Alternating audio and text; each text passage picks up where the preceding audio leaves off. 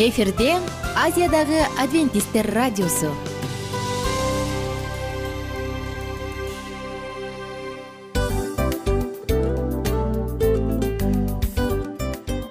Достор салют. Баардык сүйүктүү угармандарыбызга салам айтабыз. Кутман күнүңүздөр менен. Ден соолук өмүрдүн булагы демекчи саламат саамы программасында баарыңыздарды көргөнүбүзгө абдан кубанычтабыз. Анда алгач амандашып өтөлү арбаңыздар деп. Ден соолугуңуздар кандай элибизде көбүнчө ден соолук кандай дегенде эле жакшы деп жооп беребиз э? ооруп турсак дагы жакшы дейбиз. Анан мен муну айтып ойлойт элем бул абдан сонун сөз депчи анткени бул жакшы деген үмүт да э баары жакшы болот. Баары сонун. Деп үмүттөнүп атып эле өзүбүздү өзүбүз дарылап коебуз. Анысы кандай сиздин дагы ден соолугуңуз жакшы беш деген үмүттөбүз чындыгында ден соолук бул өмүрдүн булагы деп бекеринен айтылган эмес деп ойлойм. Кыргыз элинде анткени эгерде ден соолук жок болсо анда адамдын жашоосунда калган баардык керектүү маңыздуу нерселер өзүнүн баалуулугун жоготуп коет. Ошондуктан ден соолук бул эң керектүү нерсе. Ооба туура айтасың кесиптешим. Чынында ден соолугуң жок бир эки үч күн ооруп калсаң эле э кандай болуп калат? Жашоодо көз каранды болуп каласың көп нерсеге жетишпей каласың көп нерсени кыла албай каласың жада калса эшикке дүкөнгө да чыга албай каласың. Туптуура анан ден соолук болсо демек биз биздин бактыбыз тотой деп койсок болот. Анда достор саламат саамы рубрикабызды баштайлы. Алдыда өзүңүзгө керектүү болгон сонун кеңештерди уга аласыздар. Мына ошондуктан биз менен бирге болуңуздар. Ал эми биз болсо милан жана айнура. Кеттик алга. Алга саламат саама ден соолуктун жарчысы. Саламат саама ден соолуктун ачкычы. Күн сайын сиз үчүн мыкты кеңештер сонун жаңылыктар кызыктуу фактылар биздин рубрикада.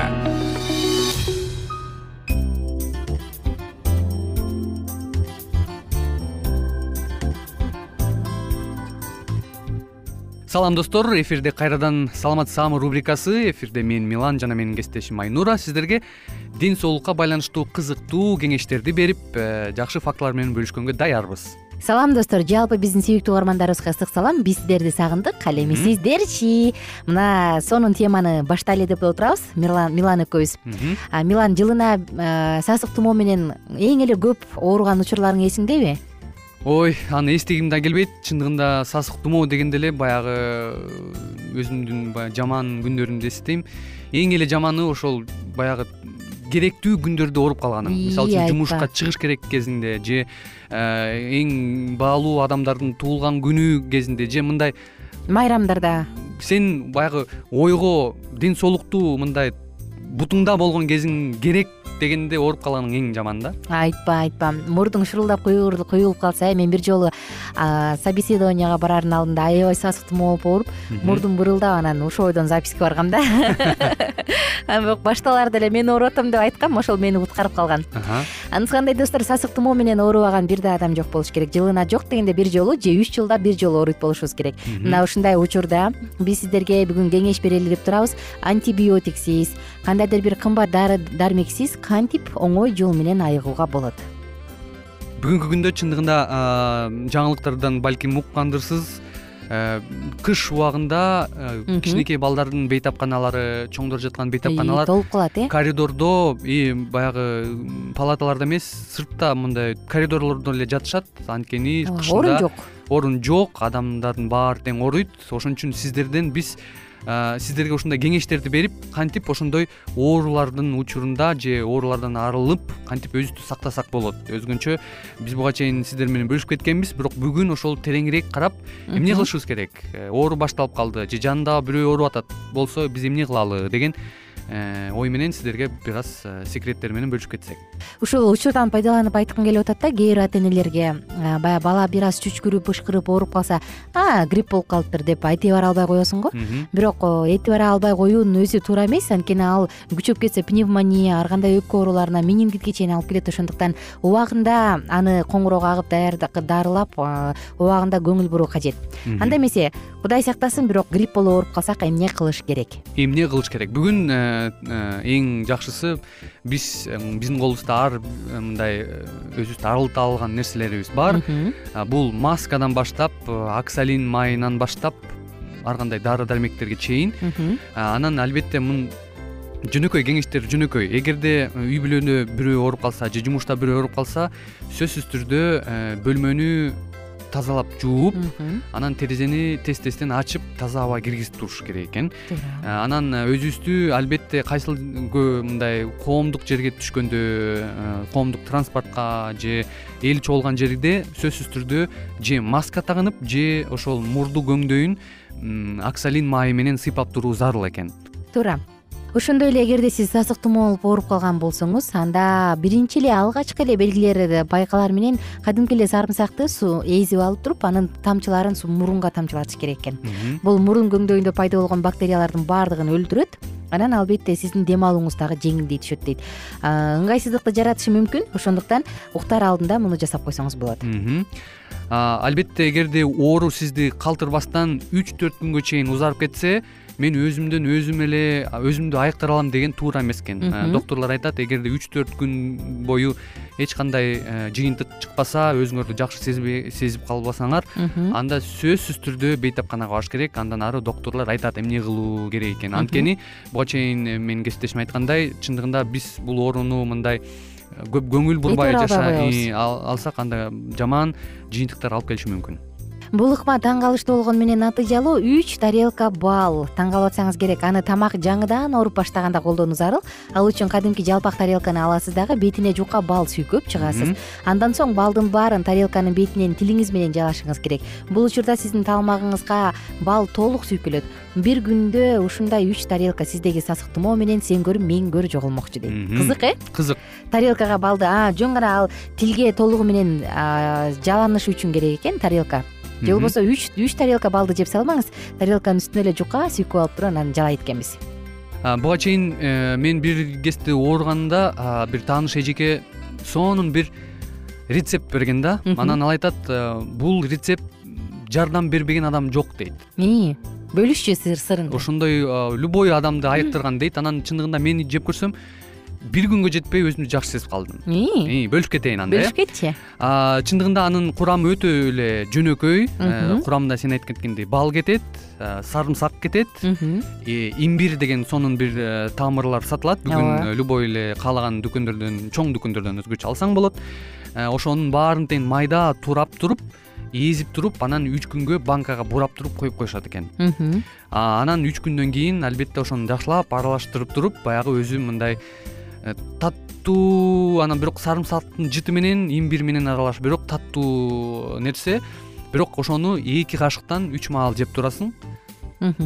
Анан абдан сонун жардам берет. А пропорциясы эсиңде жокпу? Канча канча коштуң эле? пропорциясы эсимде жок бирок ошол курамын билем да ошонун баары бар болчу. Жакшы анан ар бир үйдө ошондой банка болуш керек деп айткан да ошол эжеке биз кайнак суу менен үстүнө куюп анан настой тундурма жасап ушинтип иммунитетти чыңдаганбыз да бир жылдары ошондой эле тамакты туз сода йод аралашмасы менен дагы чайкап турганды унутпаңыз. Ит мурунду дагы демдеп ичсеңиз ит мурун адамдын иммунитетин бекемдейт дейт чындыгында ит мурун бул витамин с деп түшүнөм. Э, витамин с өзгөчө сасык тумоонун эң биринчи э, душманы экен ошон үчүн э, ит мурун лимон киви апельсин цитрус өсүмдүктөрү мандарин. цитрус э, өсүмдүктөрү ошонун баардыгы тең. Андан тышкары жанагы ысык көлдө көп өскөн облепиха дейт кыргызча чычырканак. Чычырканак э? Чычырканак. Ошонун вареньеси ошонун ой ал аябай сонун миңдин бири э? Миңдин бири витамин с витаминине өтө бай. Ошон үчүн жакшылап гана ичип туруңуздар кыямдарды айтсак э, чычырканактын кыямын жасап алсаңыз болот малинанын кыямын жасап алсаңыз болот. Мына булар дагы э, сасык тумоого каршы сонун каражаттар.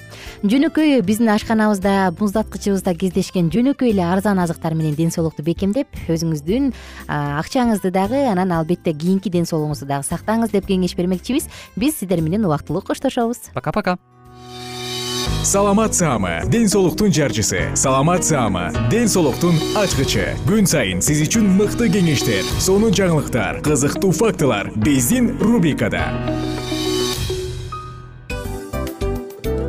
Салют замандаштар баарыңыздарга ысык салам. Дил маек программабызга кош келиңиздер. Дил маек рубрикасы дегенде эле бул эмне болгон дил маек? Ким менен маектешебиз деп сурайт болуш керек угармандарыбыз бул рубриканы кыскача тааныштыра кетип турган болсок ар тарап кесип ээлеринен болгон сонун интервью кеңештер бар. Ооба. жылдыздар менен болгон маек бар. Аталарыбыздын агаларыбыздын чоң аталарыбыздан сонун кеңештер бар. Ошондой эле эже сиңдилердин кеңештери бар айтор. Баардык кызыктардын баары алдыда. Негизи эле адам баласы бир кимдир бирөөнө ишенип сырын ачкысы келет эмеспи э мындай баарлашууга жакын келебиз го. Албетте. Негизи бир жерге отуруп алып кенен шашпай баягы жүрөктөн жүрөккө ачып сырларыбызды ар кандай көйгөйлөрүбүз менен бөлүшүп баягы чын жүрөктөн маек курганды кимибиз сүйбөйбүз э? Ооба десең ал нерсеге суусап да келебиз да? Ооба кээ бирде адамга чындыгында баягы э, ысык маек баягы жылуу маек жетишпейт да. Ошондуктан биз ушул рубриканы ойлоп тапканыбызда эң биринчи эле достор сиздер менен чын жүрөктөн бир маңыздуу темаларды козгоп кеткени э, кааладык. Ошондуктан ушундай сонун бир рубриканы тартуулап жатабыз. Анын үстүнө радио дагы сонун дос да анткени э, мындай учурда досуңа айтсаң досуң досуна айтат досу досуна айтат да анан бүт өлкө билип калышы мүмкүн го. А радио болсо сени сатпаган сенин айыбыңды ачпаган сенин сырыңды эч кимге айтпаган сонун дос мына ошондуктан биздин алдыдагы айта турган кеңештерибизди биздин досторубуздун кеңештерин угуп анан ал жака пикириңизди дагы калтырып кайрадан биз менен байланышсаңыздар болот. Деги эле жашооңузга эгерде кичине болсо дагы өзгөрүү алып моралдык жактан моралдык жактан сонун бир кеңештерди алсаңыз демек биз максатыбызга жеттик. Ооба. Чыңгыз атабыз улуу жазуучу э, чыңгыз айтматов айткандай адам болуу бул күнүмдүк процесс экен. Күн сайын адам бойдон калуу бул адамзатка эң эле кыйын дейт э? э эң кыйын дейт. Чындыгында бунун негизинде адамдын эң баягы сапаттуулугу адамдын э, адамгерчилиги жана көптөгөн керектүү нерселер. Мына ошол темалар дагы бизде э, ушул дил маекте биз аларды да козгойбуз. Ден соолук жөнүндө да сүйлөшөбүз. Сөзсүз түрдө. Анан милан мырза негизи айтып коюшат го? Биз көбүнчө эмнени ойлонсок ошол нерсеге карата иш кылабыз го? Ооба. Анан анысы кандай балким бул радио баракчада кимдир бирөөнүн оюн текшергенге жардам берет кимдир бирөөнүн жүрөгүн текшергенге жардам берет. Балким кимдир бирөөгө жашоонун маңызын тапканга жардам берет айтор кызыктын баары алдыда бул жөн гана кыскача жарнама анда угармандарыбыздын баардыгын кийинки рубрикабызга чакырабыз. Ал эми кызматта маңдайымда отурган кесиптешим милан жана мен айнура. Анда эмесе биз даярдаган терең терең ойлор менен таанышууга кеттик. Алыс алыс баралык анда эмесе достор биз менен бирге болуңуздар. Алдыда эң кызыктуу маалыматтардын баардыгы бир нече мүнөттөр бою жалгыз гана сизге арналат мына ошондуктан жакшы маанай менен угууну каалайбыз. Үн алышканча. Жөнөдүк. Ар түрдүү ардактуу кесип ээлеринен алтын сөздөр жүрөк ачышкан сыр чачышкан сонун маек дил маек рубрикасында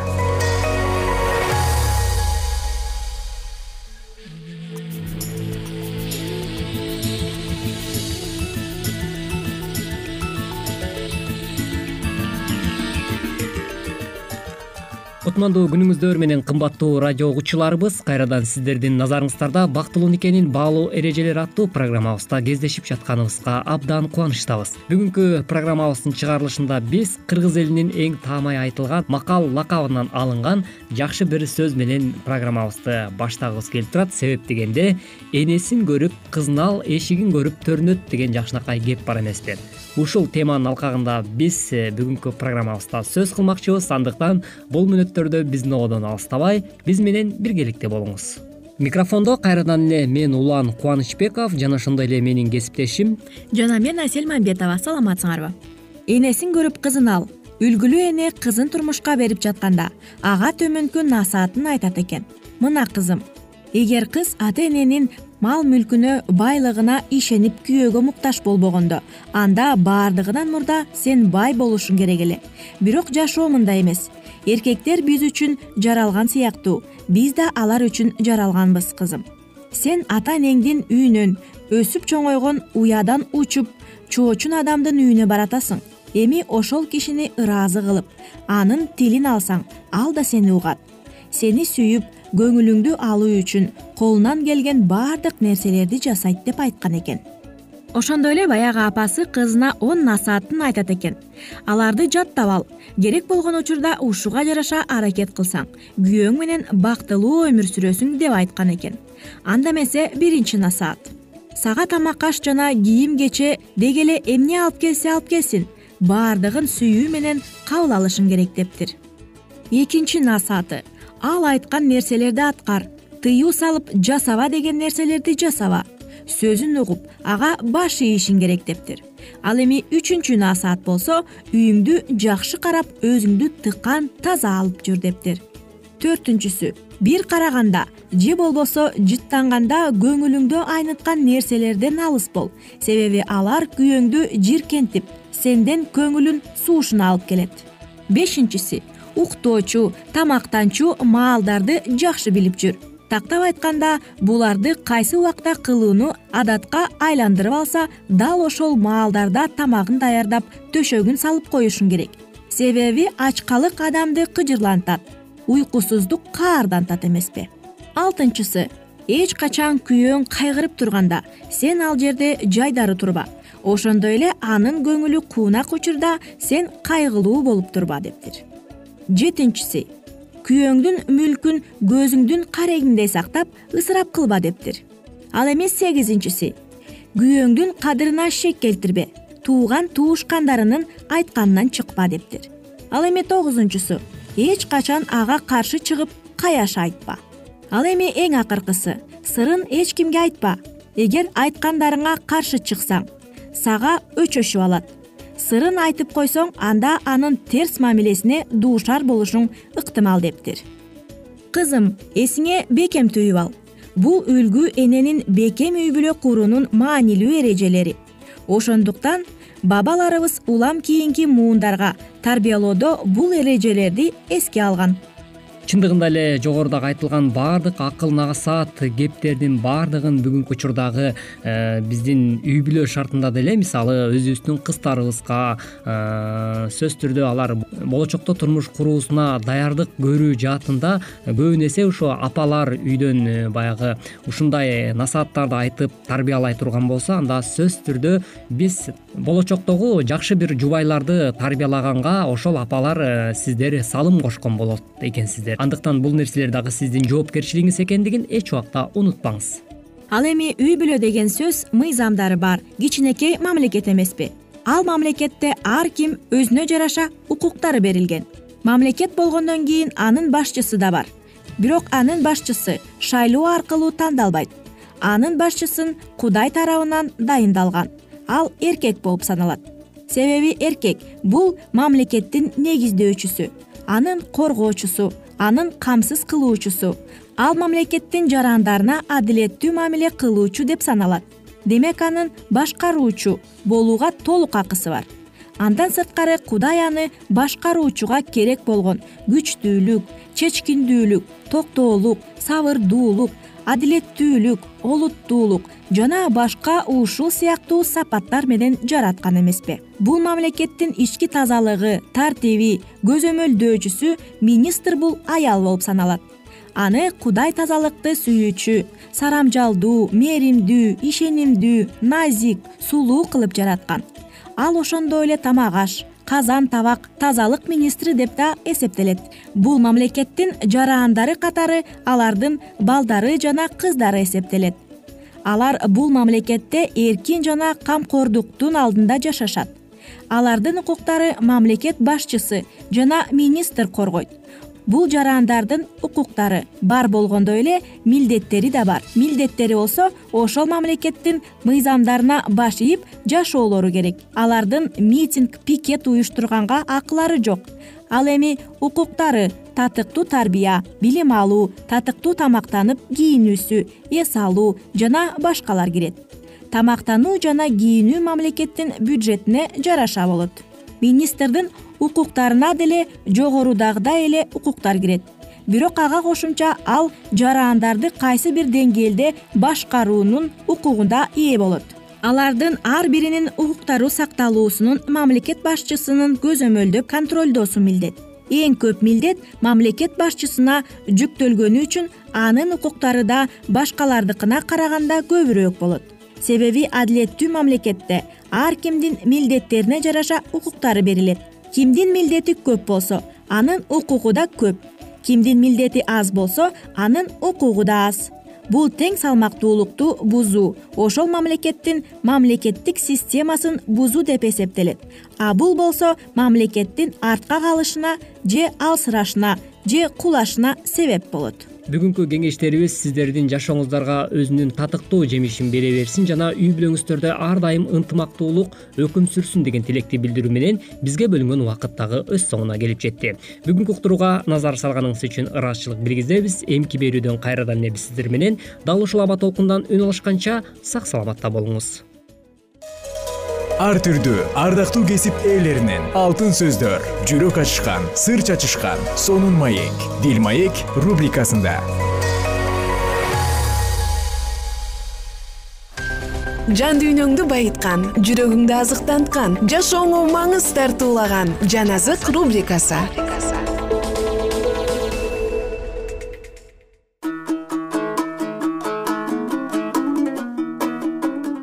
кутмандуу күнүңүздөр менен арбаңыздар жалпы кыргыз элим жана сиздер менен амандашып биз саатыбызды баштадык. Жан азык уктуруусу куткарылуу тарыхы деп аталган китепти бирге улантабыз эмесе биз менен бирге болуңуздар. Периштелер аларды куткарып алууну каалап жатышты. Бирок бир аз убакыт күтө туруш керек эле. Анткени кудайдын эли машаяк чөмүлгөн чөмүлүү менен чөмүлүшүп машаяк ичкен чөйчөктөн ичиши керек.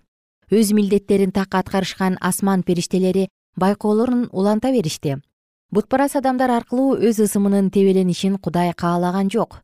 Кудай өз элин куткаруу үчүн өзүнүн улуу даңкын көргөзө турган убакыт дагы жакындап калды. Өз ысымынын урматына ысымдары асман китептерине жазылган. Анын куткаруусун чыдамдуулук менен күтүшкөн адамдарды куткарат. Бул кудайга ишенимдүү нух пайгамбардын көргөзгөн ишенимине окшош. Жерге нөшөрлөгөн жамгыр жаап башталаарга бир нече күн калганда ал өз үй бүлөсү менен кемеге кирген жана кеменин эшигин кудай өзү бекитип койгон. Нух пайгамбар өз мезгилиндеги адамдарга боло турган кайгы жөнүндө токтоосуз эскертке берген. Алар болсо бул эскертүүлөрдү шылдың катары кабыл алып турушкан. Ал эми качан топон суу каптап адамдар сууга чөгө башташканда өздөрү шылдыңдап күлүшкөн кемеге кирүүгө зарлашы жана нух пайгамбар менен анын үй бүлөсүн сактап турган кеменин солк этпегенин көрүшкөн. Мына мына ушундайча кудайдын каары дүйнөгө келе тургандыгын эскертишип айтышкан кудайдын эли дагы куткарылышат өз куткаруучусун асманга алып кетет деп күтүшкөн ишенимдүү адамдарды кудай адилетсиз адамдардын колунан сактап калат. Булар айбандын чыгарган мыйзамына баш ийбеген анын белгисин кабыл албаган адамдар. Эгерде кудай өз элин өлтүргөнгө уруксат берген болсо анда шайтан жана анын шабырлары жана аларды жек көргөн адамдардын бардыгы болуп көрбөгөндөй ырахат алышмак. Шайтан өзүнүн акыркы кармашында өздөрүнүн сүйүктүү куткаруучусун күтүп жатышкан адамдардын үстүнөн болгон күчүн көргөзүп кубанычка батмак. Кудайдын элинин асманга алынышын шылдың менен кабыл алышкан адамдардын бардыгы кудайдын өз элине көргөзгөн камкордугун өз көздөрү менен көрүшөт качан адилеттүү адамдар өз шаарларын жана кыштактарын таштап качышканда алардын артынан өлтүрүү үчүн адилетсиз адамдар аңдып кубалашкан? Бирок адилеттүү адамдардын башын кесип таштоо үчүн сунушталган кылычтар куурай сыяктуу аларга залака келтирбестен сынып жатты. Кудайдын периштелери адилеттүү адамдарды коргоп турушту. Кудай алардын күн түн тынбай куткаруу жөнүндө сыйынуусун уккан кудайдын элинин куткарылышы. Кудай өз элин толук бошотуп алууну чечти. Адилетсиз адамдар адилеттүүлөрдү шылдыңдап жатышканда күн капысына жети эсе жарык берип ай өз жүрүшүн токтотту адилетсиз адамдардын үрөйү учуп адилеттүү адамдардын өз куткаруучусунун айткандарын салтанаттуу кубаныч менен аткарып жатышкандарына байкоо салып турушту жышаан белгилер менен кереметтер тез тез алмашып жатты. Жаратылыш өз жүрүшүп таптаза өзгөртүп койгон сыяктанды. Дарыялар соолуду кара булуттар бири бири менен кагышып асманда бир гана жылчык жарык болуп турду. Жана ал жерден көздү уялткан нур жаркырап келе жатканы көрүндү. Ошол жылчыктан көп дайранын шаркыраган үнү сыяктанып асман менен жерди титиреткен кудайдын үнү угулду жерде улуу жер титирөө болду. Жана көрүстөндөр ачылып үч периштенин кабарын угуп кабыл алышкан ишемби күндү ыйык сактаган ишенимдеги адамдар кудайдын үнүн угушуп мурдагы кудайдын мыйзамдарын сактаган адамдар менен бирге өз жаткан көрүстөнүнөн чыгып келишти. Асман бир жабылып жана кайра ачылып будуң чаң түшкөндөй сезилип турду. Тоолор шамалга ыргалган куурай сыяктуу титиреп аскалар ар тарапка чачырап жатты. Чачырап учкан таштардын түшкөнүнөн деңиз кайнап жаткан сыяктанып буркулдайт. Өз эли менен түбөлүктүү осуяттын бекитип жаткан сыяктанып асмандан кудайдын үнү угулат. Күндүн күркүрөгөн добушу сыяктуу кулакты тундурган жаңырыктан кудайдын эли өздөрүн куткаруу үчүн айтылып жаткан кудайдын үнүн угуп турушту кандай салтанаттуу улуу көрүнүш? Кудайдын ар бир айткан сөздөрүн адилеттүү адамдар кудайга даңк деп коштоп турушат. Алардын жүздөрү муса пайгамбар синай тоосунан кудайдын жанынан түшкөндөгү жаркырагандай жаркырап нурданып турду. Адилетсиз адамдар алардын жүздөрүн караганга батына алышкан жок. Андан кийин кудайдын осуяттарын сакташып ыйык ишемби күнүн ыйык туткан адамдарды алкыштоо болуп айбандын жана анын түрүнүн үстүнөн жаңырган жеңиш үндөрү угулуп турду. Машаяктын экинчи келиши. Ошондо асмандан адам уулу түшүп келе жаткан ак булут көрүндү. Качан ал булут жерге жакындаганда ыйса машаяктын асмандан түшүп келе жаткан жеңүүчү катары даңкы көрүнүп турду. Асман периштелери жаркыраган таажылар менен аны коштоп келе жатышкан бир көрүнүштү бир дагы тил өзүндөй кылып айтып бере албайт. Ак булут жерге жакындаганда ыйса машаяктын өз даңкы менен келе жаткандыгы даана көрүнө баштады. Анын ыйык чекесинде тикенек тааж эмес бирок даңктын жаркыраган таажысы бар эле. Анын кийиминде жана курунда падышалардын падышасы жана мырзалардын мырзасы деп жазылып турган. Анын өңү күн нурундай жаркырап турду анын көздөрүнөн жалын чыгып турган сыяктуу анын үнү көп сандаган музыкалык аспаптардын мукамдуу үнүндөй. Анын жүзү алдында жер солкулдап асман түрүлгөндөй ар бир тоо жана аралдар ордуларынан жылып жатты.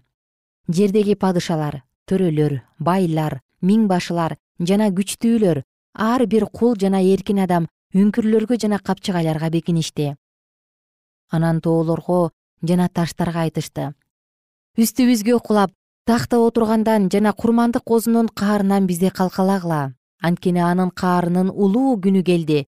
Ким буга чыдай алар экен?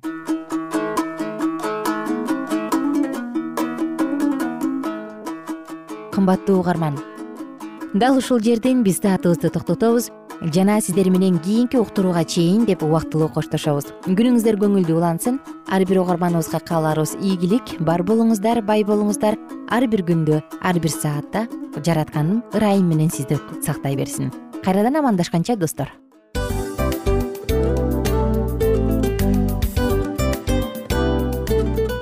Достор биздин радио баракчаларыбыз соңуна келди. Демек бул программабызды дагы жыйынтыктачу учур келдик. Учурга келдик. Анан кесиптешимден сурагым келип турат. Негизи эле иштин башталып атканы кубандырабы сени же жыйынтыгы кубандырабы албетте жыйынтыгы себеп дегенде сен кылган ишиңдин жыйынтыгын көрүп э, баягы мөмөсүн көрүп дегендей жыргайсың жүрөгүң жемишинен татып э? Кандай даамдуу деп. Баягы буудай сепкенде эмес буудайдын эгинди жыйнагандан кийин ысык нанды жегенде кадимкидей ырахаттанасың го. Ой айтпа туура айта кеттиң сонун салыштыруу болду анан мен дагы абдан кубанып турам. Анткени биз угармандарыбыз үчүн аябай эмгектенип келген уктуруубуздун соңуна келип калдык. Анан эми э, уктуруубуздун соңунда угармандар кандай пайда алып калды экен деп күтүп турам да. Балким э, менин жашоомо өзгөрүү киргизе турган сонун сөздөр болду.